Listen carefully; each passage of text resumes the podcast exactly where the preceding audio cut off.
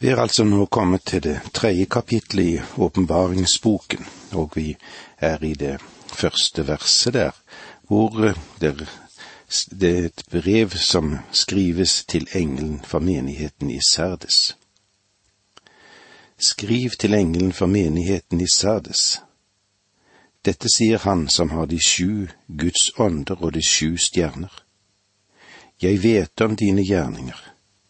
I navnet er du levende, men du er død. Jeg vet om dine gjerninger. Et oppmuntrende ord på en måte. Men eh, så går han straks over til å tale om hvordan de har det, og om gjerningene som bærer bud om. I navnet er du levende, men du er død. Gjerningene var gode nok til å bevare kristennavnet. De hadde et kristelig og godt omdømme mellom mennesker. Men for Herrens ransakende blikk ser det helt annerledes ut. Den sanne tilstand, du er død. I navnet er du levende, men du er død. Ser vi over den kirkehistoriske epoke som er nevnt, så var det en veldig turbulent tid. Lang, turbulent tid var det, epoken og her var mange rike epoker, og visse områder ble meget sterkt berørt av åndelig påvirkning. Men denne perioden dekker også det store frafallet og aktiv og levende bevegelse som bare ble sittende igjen med formen, med det tapte livet. I navnet er du levende, men du er død. Dette er skremmende ord og kan være et bilde på mange menigheters situasjon også slik som det er i vår tid, også i dag. Det er ikke for ingenting at vi taler om at Europa lever i en etterkristen tid. Vers to Våkn opp og styrk den rest som er igjen, før den dør. For jeg har funnet at dine gjerninger ikke holder mål i min Guds øyne. Dette er det andre tuktenord, og det er et advarende ord, og hadde en spesiell mening i Serdes. Som jeg allerede har nevnt, var Serdes forlagt ned toppen av et fjell. Du hadde adgang til byen bare fra syd. Derfor, alt det Serdes trengte for å forsvare seg, var å passe på sydflanken men ved to tilfeller i sin historie hadde de blitt invadert av fiender fordi de hadde kjent seg for sikre. De trodde at byen den var uinntakelig, og derfor var ikke vakten så nøye med å sove på jobb. I år 549 før Kristus kom Kyrissis soldater seg inn i byen og eh, det samme skjedde i år 218 før Kristus, da Antiokus den store erobret Sardes. Fordi en soldat fra Kreta klarte å komme seg over muren mens vakten sov. Det Herren sier til denne menigheten i Sardes er, nå må du våkne og passe deg. Dette var pinlig fordi de ved to tilfeller i historien var blitt tatt ved at vakten lå og sov. Og Herren sier, La ikke det samme skje med den menighet som er plassert her. Kanskje dette også er et ord til protestantismen som helhet i vår tid. La oss våke og vente på ham som skal komme. Særdes visste ikke når fienden ville komme og vi vet verken hvordan fienden vil angripe oss, eller når Kristus kommer. Vi må være på vakt. Med tanke på bortrykkelsen kan finne sted hvert øyeblikk, så må menigheten være våken. Datoen kjenner vi ikke. Ikke engang epoken når han vil komme, og årsaken er at menigheten alltid skal være våken. Vi må være våken for at han kan komme. I Titus brev, kapittel to, vers 13, får vi denne formaningen, mens vi venter på at vårt håp skal få sin salige oppfyllelse. Du forstår at enhver kan være rede hvis alle forhold er fastlagt. Men du må alltid være rede for den tid du ikke tenker, slik som Jesus sier det. For jeg har funnet at dine gjerninger ikke holder mål i min Guds øyne. Protestantismen gjenvant troen på Guds ords autoritet. Synet på menneskets totale forderv rettferdiggjørelsen ved tro. Men har vi holdt fast ved det? Og så er spørsmålet hvilken plass har vi gitt Den hellige ånd i spørsmålet om å virkeliggjøre det som er av Kristus, og at vi gjennom dette kan lede menigheten videre fremover. Vers tre Husk hvordan du tok imot og hørte. Hold derfor fast og vend om. Men hvis du ikke våker, skal jeg komme som en tyv, og du skal ikke vite timen når jeg kommer over deg. Husk hvordan du tok imot og hørte. Hold derfor fast og vend om. Selve ideen her er at de skulle holde disse tingene fordi de er i ferd med å dø. De store sannheter som ble vunnet under reformasjonen, er i ferd med å tapes. Og tapet går i første rekke ut på å tape autoriteten i det som Guds ord har å si oss og gi oss. Guds ord må ikke bare få lov til å si sin mening, det må adlydes som det det er, Guds ord. Men hvis du ikke våker, skal jeg komme som en tyv, og du skal ikke vite timen når jeg kommer over deg. Som jeg allerede har fortalt, så ble Sades bygget høyt oppe på en fjelltopp, som var umulig å forsere uten på én side. På grunn av erosjoner i nærmere 2000 år, så er fjellet der Særdes lå, ikke så høyt og utilgjengelig som det var på Paulus sin tid og på Johannes sin tid. På tross av det var det det ved to tilfeller at soldatene klarte å ta seg inn i byen. Og dette var jo svært pinlig for lederne. To ganger var byen blitt okkupert på grunn av at vaktene sovnet. Og Herren sier til menigheten i Sardes, Nå må ikke dere også legge dere til å sove. Våkn opp og hold ut. Han kunne komme hvert øyeblikk. Folk i Sardes visste ikke når fienden ville komme og vi vet heller ikke når den Herre Jesus kommer. Vers fire. Men du har noen få i det som ikke har sølt til klærne sine, og de skal følge meg i hvite klær, for de er verdige til det. I Israel har det aldri vært fullt antall av borgere i nasjonen, men alltid en rest som var tro mot Gud og her får Kirken vite dere har noen få. I Lukas 12,32 så kalte Herren sin menighet Den lille flokk. Kirken i dag har også sine hellige som elsker ordet, som er tro mot sin Herre selv i denne tid, og de står uforferdet på ordets sannhet. De lar seg ikke dra inn i tidsstrømmen og den tilpasningsvillighet som preges i vår tid. Protestanteismen har sannelig hatt menn og kvinner som rager høyt, og som er en utrolig inspirasjon. Det har vi fått av Martin Luther, og eh, det har levd frem til i dag. Gjennom dem har Gud berget nasjoner og holdt folk oppe. Gjennom dem har ordet lytt til all verden, og misjonen har skutt fart. Ja, vi har fått oppleve en stor misjonstid. Men protestantismen har hatt navn som ikke var tilsølt, mennesker som var tro mot Guds ord.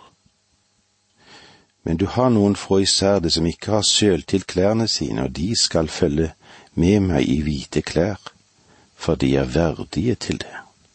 Og med disse ordene sier vi takk for nå, må Gud være med deg. Dette undervisningsprogrammet består av to deler.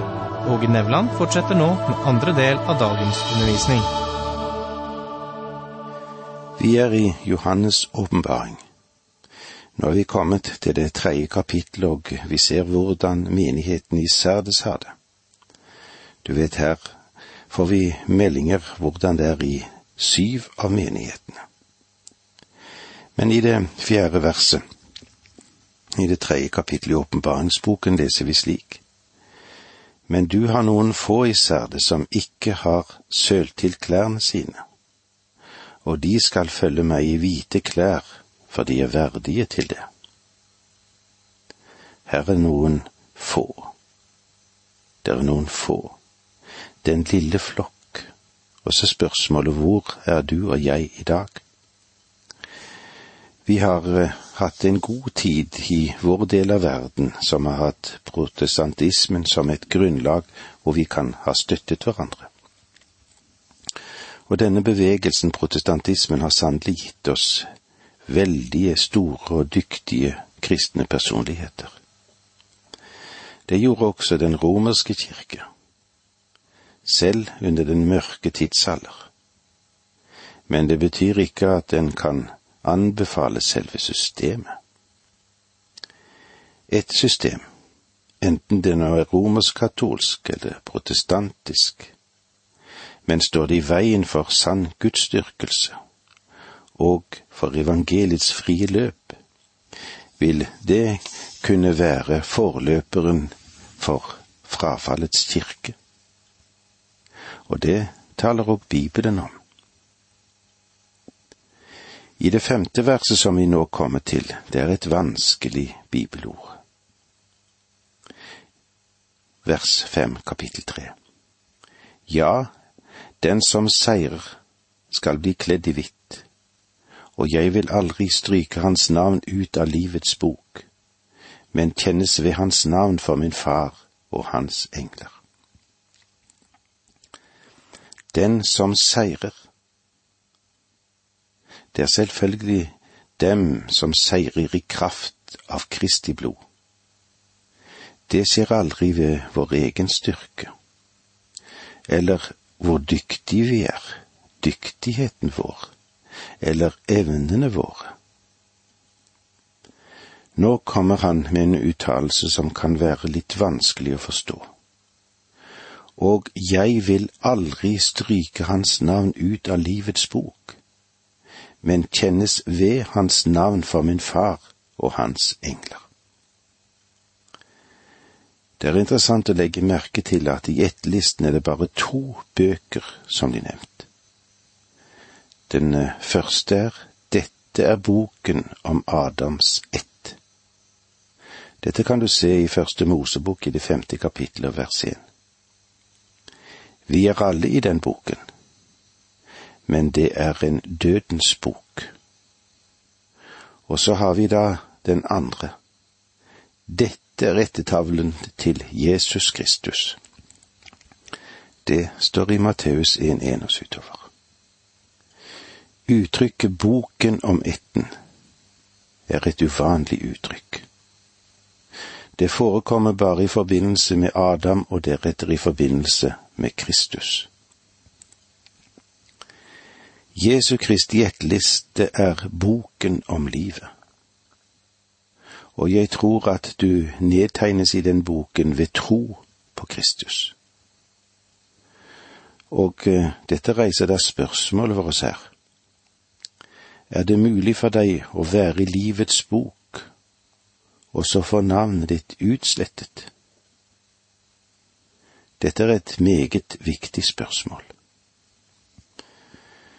Noen har antydet at det er ingen klar uttalelse her, at noen vil få sitt navn strøket ut. men det er heller å forstå som et løfte at navnet skal ikke strykes ut på grunn av troen på Kristus. Men det ligger innvevd her som en mulighet. På bakgrunn av dette har noen ansett livets bok ikke som en fortegnelse over dem som er frelst, men heller som en liste over dem som Kristus døde for. Det vil si hele menneskeslekten som har hatt fysisk liv. Når de kommer til modenhet og står over ansvar å ta imot eller fornekte Kristus, så blir deres navn strøket ut, om de ikke tar imot Jesus Kristus som sin frelser. Men de som aksepterer Kristus som frelser, får bekreftet at de står opptegnet i livets bok og deres navn blir bekjent for Faderen og himmelens engler. Dette er en mulig forståelse av dette ordet. Én ting synes å være klart. Tro ikke at den Herre Jesus svikter sitt løfte om å bevare deg selv om du synes at du svikter mang en gang. Husk hva Jesus selv har sagt en gang i Johannes 10, 28 og jeg gir dem evig liv. De skal aldri i evighet gå tapt, og ingen skal rive dem ut av min hånd. Glem aldri hva det har kostet ham å skaffe til veie en frelse for deg og for meg. Når det har kostet så mye, tror du da at han vil slippe tak i oss på grunn av vår svikt? Nei, han vil kjempe for sine med all sin makt. I åpenbaringen er denne livets bok svært så viktig. Og eh, jeg vil vise til noen, noen henvisninger i åpenbaringsboken. Kanskje det er vanskelig å huske, men vi prøver allikevel. Åpenbaringen 13.8. 17.8. 2012 og 2015. Vi har òg kapittel 21 vers 27 og kapittel 22 vers 19. I disse henvisningene er tanken at det er dem hvis navn er opptegnet, og dem hvis navn ikke er opptegnet i livets bok det dreier seg om. Vi skal se nærmere inn i dette noe senere, og vi vil tale mer om det, spesielt når vi kommer til det 22. kapitlet. Men i alle fall hviler jeg i den tanke at det simpelthen er overraskende at noen i Sardes ville bli frelst. Men det var noen der som eh, han sa ikke ville bli strøket ut av livets bok. Han sa ikke at noen var blitt strøket ut. Han sa bare at selv i Sardes var det noen som ville bli frelst. Får jeg lov å si til deg at det vesentlige er om du er skrevet inn der. Er ikke navnet ditt skrevet der? Hvordan er det da? Og er navnet ditt skrevet der, da har du hans løfte på at han skal og vil bevare deg til du er hjemme. Vers seks Den som har ører, hør hva Ånden sier til menighetene. Igjen blir vi minnet om at den som har øre for åndelige ting, må høre Åndens tale gjennom Guds ord, som er et kristig budskap til hans menighet i dag. Og det var det vi hadde med oss ifra denne menigheten. Nå går vi over til menigheten i Filadelfia. Kristi brev til menigheten i Filadelfia. Menigheten i Filadelfia det representerer det jeg vil kalle for den fornyede menighet. Og skal vi tenke den plassert i kirkehistorisk sammenheng, vil det være epoken fra det 19. århundre til bortrykkelsen. Dette er menigheten som har vend tilbake til Guds ord. Selv om det i vår tid finnes mange tegn på frafall, så er det også en ny besinnelse på Guds ord. Og over den ganske verden er det en bølge av utilfredshet over den materialistiske tenkning, og vi får oppleve en ny forståelse for de åndelige tingene. Kanskje det kan karakteriseres som en livets tendens som i Filadelfia. Filadelfia er i dag en ganske driftig liten tyrkisk by. Den ligger i et meget vakkert område i en vakker dal inne i landet, ca 25 mil fra kysten. Selve dalen er ganske bred, og den løper i retning nord-syd, og Kogmasi-elven som løper gjennom dalen er en av dem som gir vann til den store Herrumuselven. Byen ble bygd på fire eller fem høydedrag i betoriske omgivelser. I dag er det en by i en sterk utvikling i det typisk tyrkiske. Men Filadelfia ligger òg i et jordskjelvsområde. Den store folkemengden som bodde i dette området, flyttet primært på grunn av jordskjelv, og også selvfølgelig på grunn av stadig krigstrussel. Da Tamerlein og andre store ledere kom fra øst, opplevde dette området å bli totalt utslettet. Alle dem som var tilbake, ble drept. Derfor finnes det i dag ingen etterkommere av den opprinnelige befolkningen i området. Men byen har vært bebodd kontinuerlig fra den ble opprettet. Det er noe typisk med Philadelphia-området, og dette vil vi komme tilbake til når vi møtes igjen neste gang. Takk for nå, må Gud være med deg.